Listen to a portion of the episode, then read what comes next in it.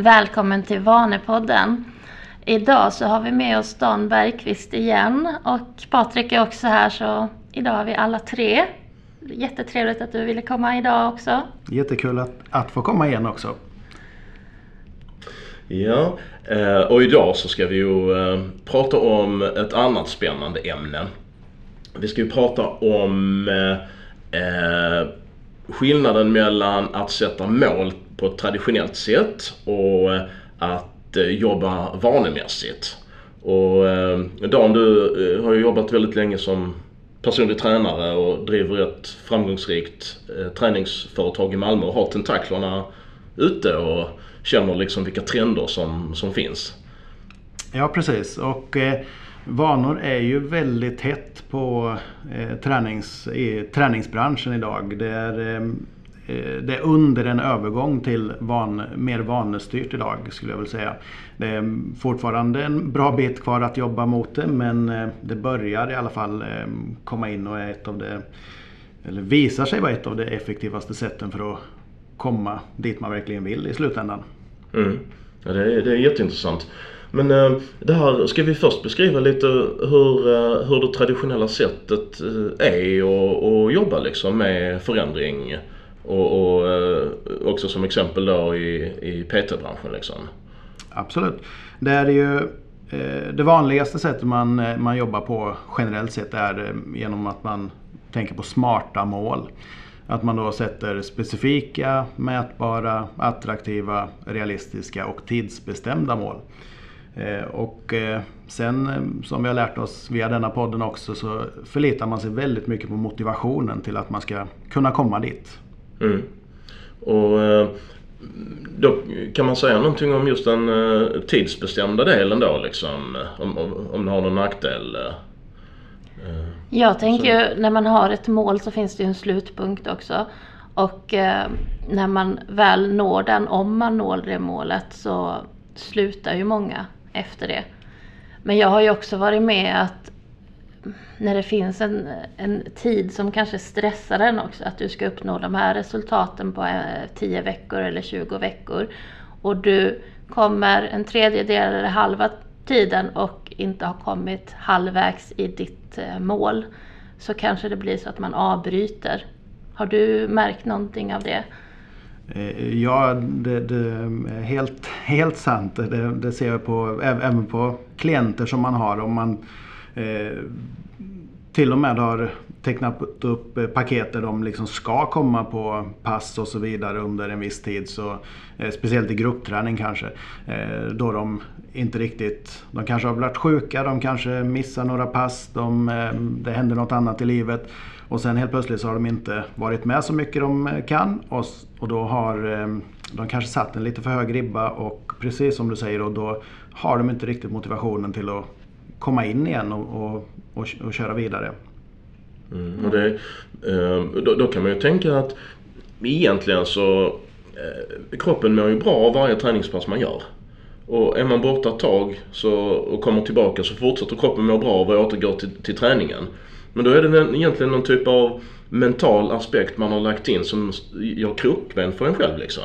Att, att målet blir egentligen ett krokben för att leva hälsosamt. Ofta handlar det då om eh, att man kanske har satt för högt mål också.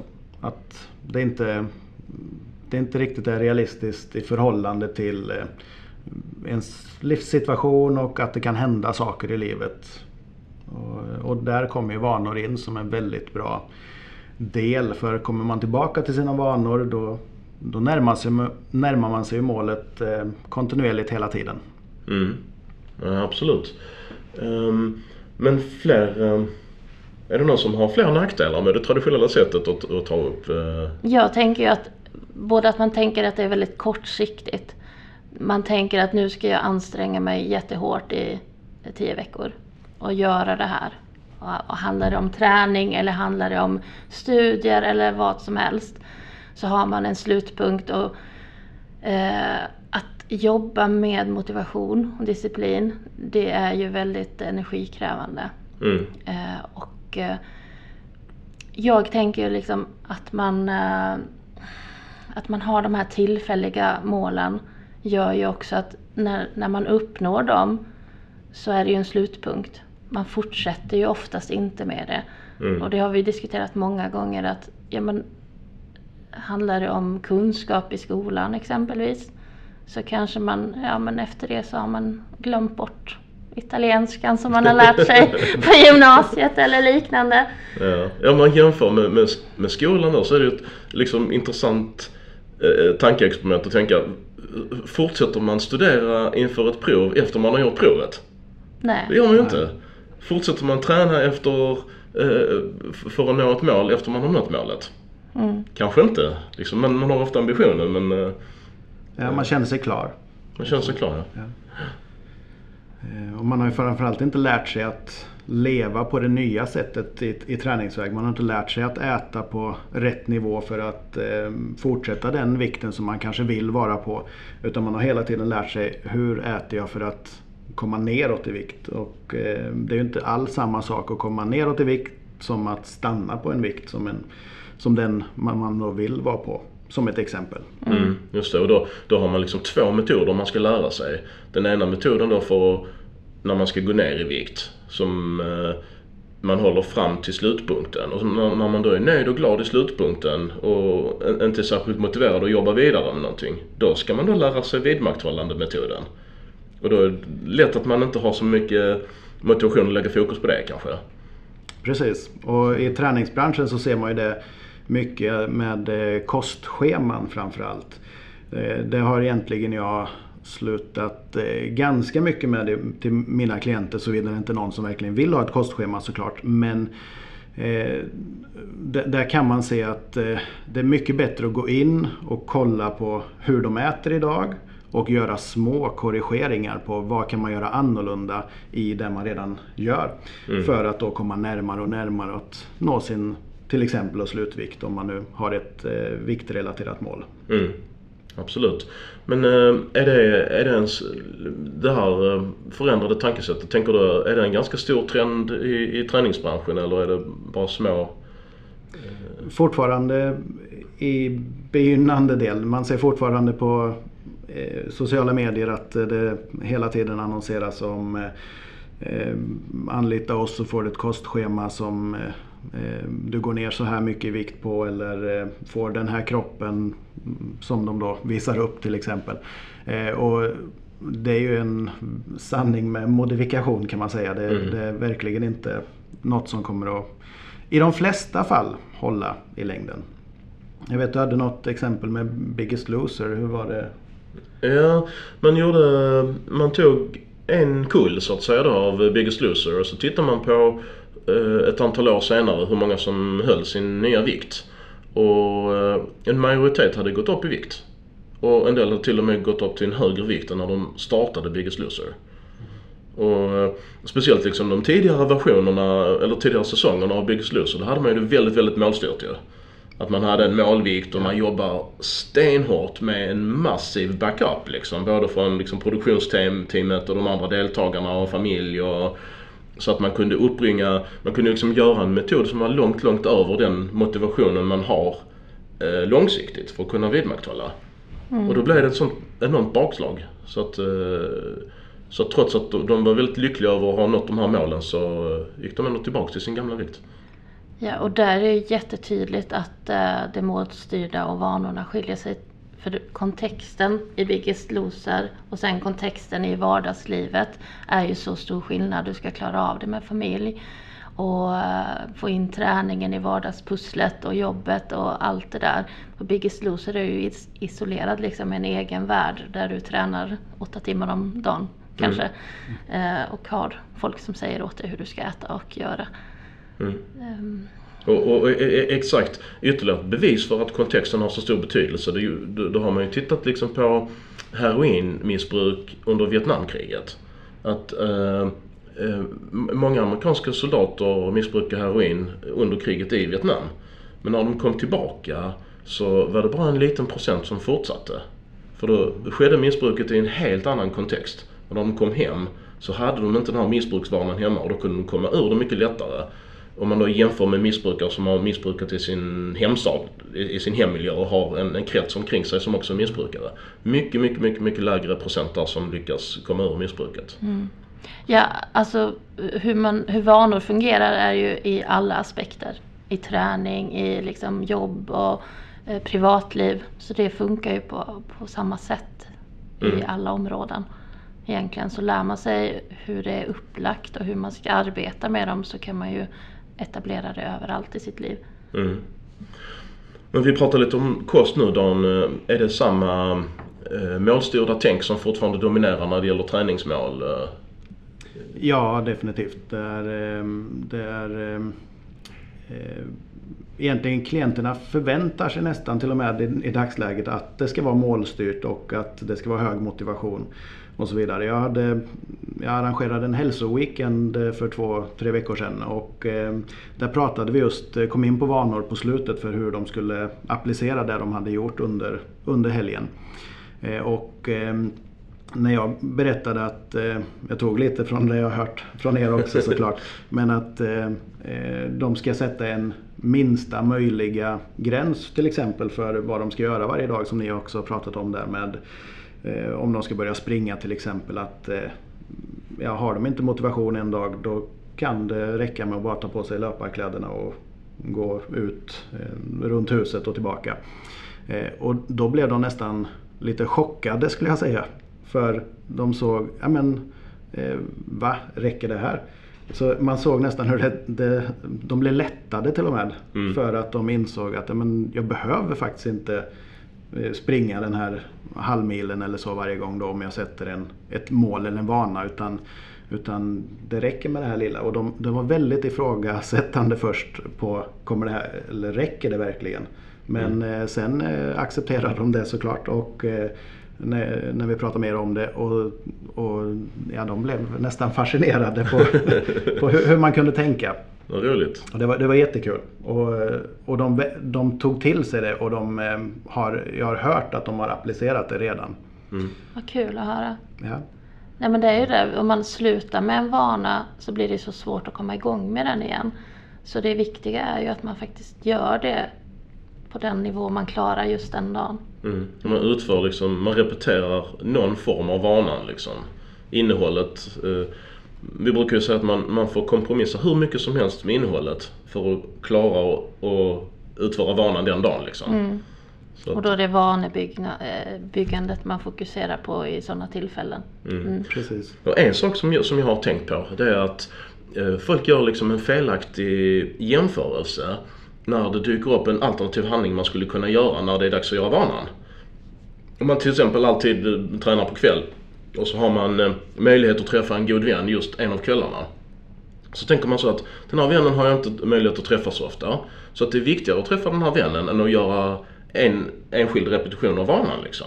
Hoppa över ett styrketräningspass jämfört med att träffa min, min goda vän liksom. Det är, eh, då, då, då, är det korrekt, ett korrekt beslut att träffa vännen istället. Men då räknar man ju inte med att hoppa över ett styrketräningspass leder till att det är lite lägre chans att nästa pass blir av. Så att man, och, och, och man riskerar att skapa liksom en undantagsvana att det är okej okay att hoppa över träningen. Och då underminerar man hela vanan. Så att vad man egentligen borde göra i en sån situation, då tänka så, vilket är viktigast? Är det att träffa vännen idag eller ha min träningsrutin? Ta, att ha hela träningsvanan liksom. För att eh, så fort man gör avsteg så riskerar man ju hela vanan liksom. Mm. Eh, så att där tycker jag man gör liksom en, en lite felaktig prioritering. Att man eh, ser inte värdet av de enskilda passen. Att, att ett överhopp kan lätt leda till att man tappar allt liksom. Jag tänker att man har ju absolut varit med om det själv mm. tidigare, mm. många gånger i livet. Jag har ju jobbat mycket med mål innan vi började eh, arbeta med vanor du och jag. Mm. Eh, och eh, jag, som du nämnde också, sociala medier. Det är ju det man möter. Jag är ganska aktiv på sociala medier så att mm. det, det, man ser och det man möter är ju fortfarande väldigt mycket målstyrt tänkande. Både från privatpersoner men också från de som PT och de som håller på mycket med träning. Mm. Ja precis. Men hur ska man göra istället då? vanor. Hur, om vi har en liksom, vi hade haft en person här nu som är helt inkörd på det målstyrda tänkandet. Inte har hört talas om det här alternativa, att man kan göra vaneupplägg och så eh, vill han eller hon komma igång liksom med, vad ska vi säga, en träningsvana. Och förväntar sig att få liksom stöd i målformulering och pepp och motivationsboost och, och allt det traditionella liksom. Ja. Eh, men om jag då får en ny klient som, eh, eh, som är i den situationen som du berättar nu. Eh, det första jag skulle göra är att vi gör en målsättning. En grundmålsättning som vi sen kan bygga vanorna av. Så vi gör en grund och sen kan vi bryta ner grunden också. För det kan ju vara så att eh, man har ett mål, man säger jag vill gå ner 10 kilo i vikt. Men varför vill man gå ner 10 kilo i vikt? Och finns det någon annan anledning till varför? Det kanske egentligen är att man vill kunna leka med sina barnbarn. Eh, som är grundorsaken till varför man vill gå ner 10 kilo i vikt. Och då, eh, då hittar vi först grundorsaken och därefter applicerar vi det. Då. Hur kan man göra i livet för att komma dit och vad, vad vill jag kunna göra? Och då börjar den här nedbrytningen av vilka vanor tar mig dit. Mm. Så du översätter liksom målet till en livsstil kan man säga? Ja, det, så kan man enkelt förklara det. Mm. Och livsstil består av vanor? Exakt. Mm. mm. Och där är det också väldigt viktigt att du sa grundorsaken för att det kanske inte bara hjälper att gå ner 10 kilo. Man kanske behöver hoppa tillbaka till det du pratade om i förra avsnittet om att ja, men du behöver kanske ha eh, de förutsättningarna så att du kan sätta dig på ett golv och leka med ditt barnbarn också. Så att sådana bitar är också ja. viktiga aspekter i det hela. Mm, rörligheten och mm. de aspekterna. Ja. ja men precis. Och eh, det är ju många idag som kanske ser sig själv som eh, akt, eller aktiva för att de var det tidigare. Och nu, nu går de och är väldigt missnöjda med sig själva för att de inte riktigt kan vara så aktiva som de var tidigare också. Och då mm. kanske den här aktivitetsgraden att de behöver träna eller behöver sin aktivitet för att öva upp kroppen så att de kan göra det de ser sig själv som egentligen, eh, det de egentligen ska kunna göra. Mm. Precis, precis. Men om, om vi har fått med då den här eh, potentiella kunden så långt liksom. Eh, att han eller hon förstår liksom att man behöver eh, tänka mer livsstil och man förstår vilka vanor som ingår för att eh, uppfylla de hälsoambitioner man har liksom. Vad blir nästa steg sen? Eh, hur gör man med varje enskild, Precis. varje enskilt beteende? Man behöver ju ta ut vilka beteenden som finns, eh, synliggöra dem och även se vilka som är kanske lätta och effektiva att utföra och börja där. För att få en förändring. Mm. Och sen behöver man ju se när, tänker jag, vilken kontext ska man utföra de här i. Mm. Med, vilken tidpunkt, vilken plats, ja. eventuellt med vilken person. Mm. Och det är inte alltid det lättaste att hitta. Utan där kan man mm. få pröva sig fram också. Vad passar mig? Vad passar mitt liv? Mitt schema? När mm. får man in det här? Mm. Och vad vi brukar prata om allmänt i Vanepodden det är just det att man, vad man inte vill ha det som det är att tänka att eh, nästa vecka ska jag göra tre träningspass och jag får se vilka dagar som passar. Mm. Uh, då blir de inte av. Nej, då lägger man allting på den här eh, exekutiva mentala förmågan liksom som, som är eh, disciplin och motivationskrävande liksom. Och eh, har man haft en jobbig måndag så tänker man då att måndagen kanske inte är den perfekta dagen att träna utan vi tar det på tisdag. Och så är det lätt att man skjuter det framför sig. Liksom. Mm. Det har jag faktiskt sett på eh, jag har ju väldigt många olika grupper som vi har träning med då. Eh, och eh, de här grupperna, normalt sett när man går till ett gym så kanske man kan köpa klippkort för att vara med på gruppträning och så vidare. Och det var vi väldigt tidiga med att ta bort möjligheten till i vårat, i vårat koncept. För att när man har klippkort då har man den möjligheten precis som du nu berättade att man får välja om ja, men ska jag träna idag eller ska jag träna nästa dag och så vidare. Då är det väldigt mycket större sannolikhet att man hoppar över pass och sen helt plötsligt faller man ur det och sen har man kvar fyra klipp när det har gått ett år som man inte har utnyttjat. Eh, så vi istället kör alltid att man har fasta omgångar där man då är med två gånger i veckan till exempel på fasta tider. Man, eh, man har de två att välja på, och, eller man har de två att komma på. Eh, och sen ja, då har vi otroligt mycket större deltagande på varje pass än vad vi hade haft om vi hade haft klippkort. Så eh, det ger otrolig effekt. Och väldigt negativ effekt med att få valmöjligheten. Mm. Men där har ni ju hjälpt dem väldigt bra med att skapa en vana med träningen. För där har ju ni bestämt när och hur ofta. Precis. Mm.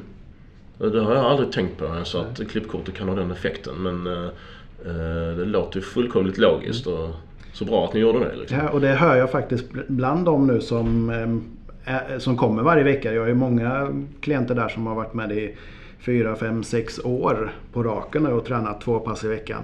Och de säger att det här har de aldrig lyckats med förr. De har aldrig i hela sitt liv haft en regelbunden träningsvana. Men när de har kommit in i den här då, och de har sina två fasta pass i veckan, ja då, då kommer de. Mm. Och droppar de av någon vecka, ja då kommer de tillbaka för de har fortfarande betalat för att komma de här två passen i veckan också. Mm. Så, ja, precis. Ja, så det, det funkar väldigt bra. Ja, intressant. Ehm, så kontexten där. Och sen brukar vi prata mycket om eh, belöning också. Mm. Att, eh, att ju mer belönande en aktivitet är desto större chans är det att den blir av liksom. Och jag kan tänka mig att, eh, att i dina pass att Eh, när ni kör gruppträning att det är folk som trivs att träna i grupp och att det blir eh, belönande utöver liksom endorfinkickarna och så. Precis, och det, där är ytterligare en sak som eh, lobbar för gruppträning där. Det är ju att Eh, man trivs med dem man tränar med eh, förhoppningsvis. Och eh, nu när vi har så här långa grupper som vi har då träffar man ju samma personer hela tiden, man lär känna dem och då blir det nästan som att man drar sig lite från att hoppa av också. Man blir lite extra motiverad till att komma för att för att man har där, de andra där, de det sociala men också att de förväntar sig att man ska komma. Mm. De, de kanske till och med smsar innan och frågar eh, ska vi åka till träningen eller ska vi, när kom, kommer du på träningen ikväll och så vidare. Och mm. det, är, det är en form av gemenskap som, som gör det lättare också att hålla vanan. Mm. Absolut. Ehm, vi brukar prata om ju att, eh, att just den här inre typen av belöning, när man känner en positiv känsla helst i samband med aktiviteten, att den är en väldigt stark form av, den starkaste formen av eh, belöning liksom. Och ju mer man kan få av den desto bättre. Och då är det ju ett sätt då att eh, för människor som trivs med gruppträning att kunna, kunna få en sån här bra vana. Ja.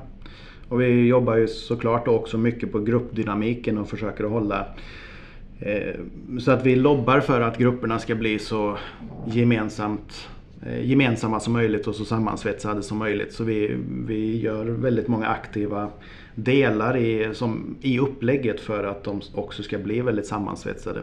För det ger bättre resultat för både dem och för såklart att de kommer på eh, passen. Mm. Mm. Det kanske har någonting med att du jobbar lite med vanor med att det, du är så populär också här i Malmö att folk kommer på grund av att ni har det konceptet och det upplägget. Det, det hoppas jag mm. faktiskt. Mm.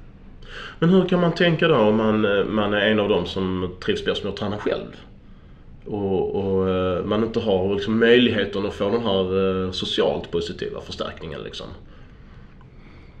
Ja, alltså som du nämnde lite tidigare där med eh, eh med eh, att man inte ska sätta det på när som helst utan man mm. sätter upp specifika tider. Mm. Det är jag ofta väldigt noga med, eh, med klienter också att de ska sätta sina tider. Om de inte har något pass med, med oss på någon, eh, eller utan ska träna på egen hand då, då, då, ska det vara helst tidsbaserat. Att det ska vara klockan 10 på en onsdag eller klockan 18 på en, på en torsdag. Liksom. Det som de då kommit fram till att det är det som passar i deras liv. Mm. Och det stämmer ju också bra med det vi brukar prata om att tidpunkt kan vara en typ av kontext mm. liksom. Och, eh, att, att göra det i en viss ordning kan vara en annan typ av kontext. Att man alltid gör det mm, efter maten eller mm. efter eh, nyheterna. Precis, att det finns någon trigger eh, för beteendet. Mm. Att det ska starta. Ja men precis. Mm. Har du tänkt någonting på um, um, vi pratade om det lite i början liksom, men hur, hur man kan strukturera det här med eh, lägstanivå. Eh, så att, så att eh, om, man, om man känner att man är så omotiverad någon dag så att man, man, man verkligen har problem att komma iväg liksom. Eh, ja, alltså lägstanivån är ju väldigt bra. Eh, som ni har pratat om väldigt mycket. Eh, och eh, Ja, det, det beror helt på vilket mål det är man har, man har satt såklart. Men det här med att klä på sig kläderna och jag brukar säga välja en övning som de gillar, till exempel knäböj. Och eh, är det så att det är din eh, absolut lägsta dag där du inte har någon motivation alls så kan du göra 10 knäböj. Till exempel sätta sig ner och ställa sig upp 10 eh, gånger. Eh, och det, i, om, gärna ombytt då såklart i, i träningskläder. Och ja, det, det kan räcka den dagen. Eller om det är armhävningar eller situps eller vad det nu kan vara för typ av övning då som den personen gillar. Mm. Mm. Men du, eh, kommer jag ihåg rätt Jenny att du pratade någonting om något liknande också? Att när, när, du hade tillämpat det så fick du, så kände du att du kunde få en positiv erfarenhet av, av alla vaneutförande tillfällen liksom? Absolut. Eh, det, det upplevde jag. Mm. Mm. Och istället för dåligt samvete för att man inte gör det så, så känner man sig duktig och glad för att man gör något litet liksom. Absolut. Men Patrik, skulle du kunna säga vad som är de största fördelarna att jobba med vanor gentemot mål? Ja, um, man skulle väl kunna säga så att uh, när uh, Mm, motivationen tar slut när man har en målsättning så gör det inte det när man bygger vanor. Utan man tvärtom, man stärker, för varje gång man repeterar vanan så stärker man beteendet. Så det, det blir mer och mer bergfast och det blir mer och mer automatiserat. Så att man kan liksom lägga krut på att etablera några vanor och sen så blir de mer eller mindre självgående. Och så kan man gå vidare och ändra på några saker till i sin livsstil och etablera några vanor till. Så man kan liksom bygga upp ett stort system med vanor som successivt gör livet bättre. Och där mycket liksom bygger på eh, någonting som känns väldigt lätt, belönande och automatiskt. Mm. Och det får man aldrig med, med det här målstyrda tänkandet. För då, då, måste man hela tiden sätta nya mål, man måste ändra på saker, bygga upp liksom en artificiell motivation, tillfälligt hög motivation som tar slut efter det här lilla projektet är mm. färdigt. Så att eh, eh, det är mer krävande, det är mer känsligt och det är inte lika eh, effektivt att ändra eh, beteenden på lång sikt skulle jag säga. Utan där har man stor fördel att gå på vanor istället. Mm. Ja. Har, har, du någonting att tillägga där Jenny? Nej, jag tycker det är jättebra eh, sagt att det, det handlar ju väldigt mycket att man ska få en automatiserad vana. Och det kommer ju inte att kräva lika mycket energi av dig långsiktigt. Utan får man in en vana som blir automatiserad och i sitt liv så kommer ju det här hjälpa dig och inte ta den energin som du behöver lägga på om du jobbar med mål. Mm. Och det blir ju mer hållbart också. Precis. Men äh, gå gärna in och äh, titta på äh, Dans äh, hemsida.